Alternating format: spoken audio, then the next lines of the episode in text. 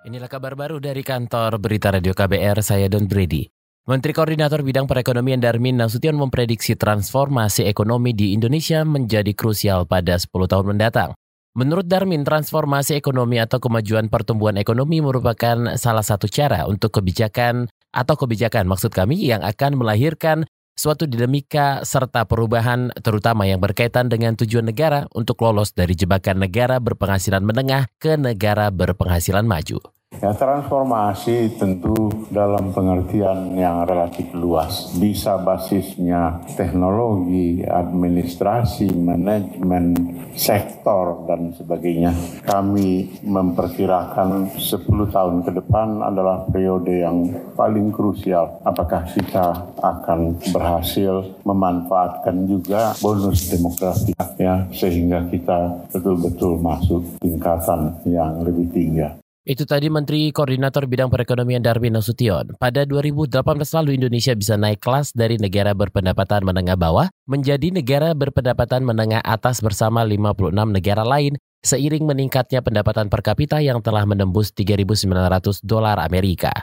Saudara peserta seleksi calon pimpinan Komisi Pemberantasan Korupsi atau Capim KPK Dharma Pongrekun menilai kebijakan menyerahkan laporan harta kekayaan penyelenggara negara atau atau LHKPN tidak relevan dengan filosofi agama dan Pancasila. Peserta seleksi Capim, Capim KPK asal kepolisian itu menilai rezeki seorang tidak perlu diatur dalam undang-undang.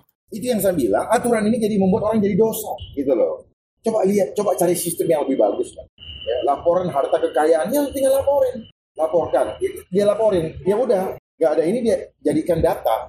Nggak jangan jadikan sanksi. Tapi kalau karena data ini menjadi sanksi nah itu persoalan baru. Peserta seleksi Capim KPK asal Kepolisian Dharma Pongrekun menambahkan LHKPN cukup dijadikan data, bukan tidak menjadi tolak ukur untuk memberikan sanksi karena setiap orang menilai, memiliki kebutuhan yang berbeda. Sebelumnya, bekas pimpinan Komisi Pemberantasan Korupsi KPK Abraham Samad menyatakan penyerahan LHKPN menjadi poin terpenting dalam proses seleksi calon pimpinan KPK. Samad menilai dari LHKPN itu, Panitia Seleksi KPK dapat mengukur kejujuran dan komitmen dari seluruh calon pimpinan KPK yang sedang diseleksi. Kunjungan Presiden Jokowi ke Kuala Lumpur, Malaysia untuk bertemu dengan Perdana Menteri Malaysia Mahathir Muhammad dilakukan di tengah masalah kabut asap yang mengepung Malaysia. Lawatan Jokowi kali ini merupakan kunjungan balasan atas kedatangan Mahathir Muhammad ke Jakarta Juni lalu. Ada sejumlah isu yang dibahas dalam pertemuan Jokowi Jokowi Mahathir itu yakni masalah yang masalah warga negara Indonesia yang jumlahnya cukup banyak di Malaysia seperti akses pendidikan bagi anak-anak, TKI, masalah kelapa sawit dan perbatasan. Situs kabinet menyebut isu kabut asap tidak termasuk yang dibahas dalam pertemuan Jokowi dengan Mahathir. Pertemuan Jokowi Mahathir ditutup dengan salat Jumat bersama. Demikian kabar baru dari kantor Berita Radio KBR, saya Don Brady.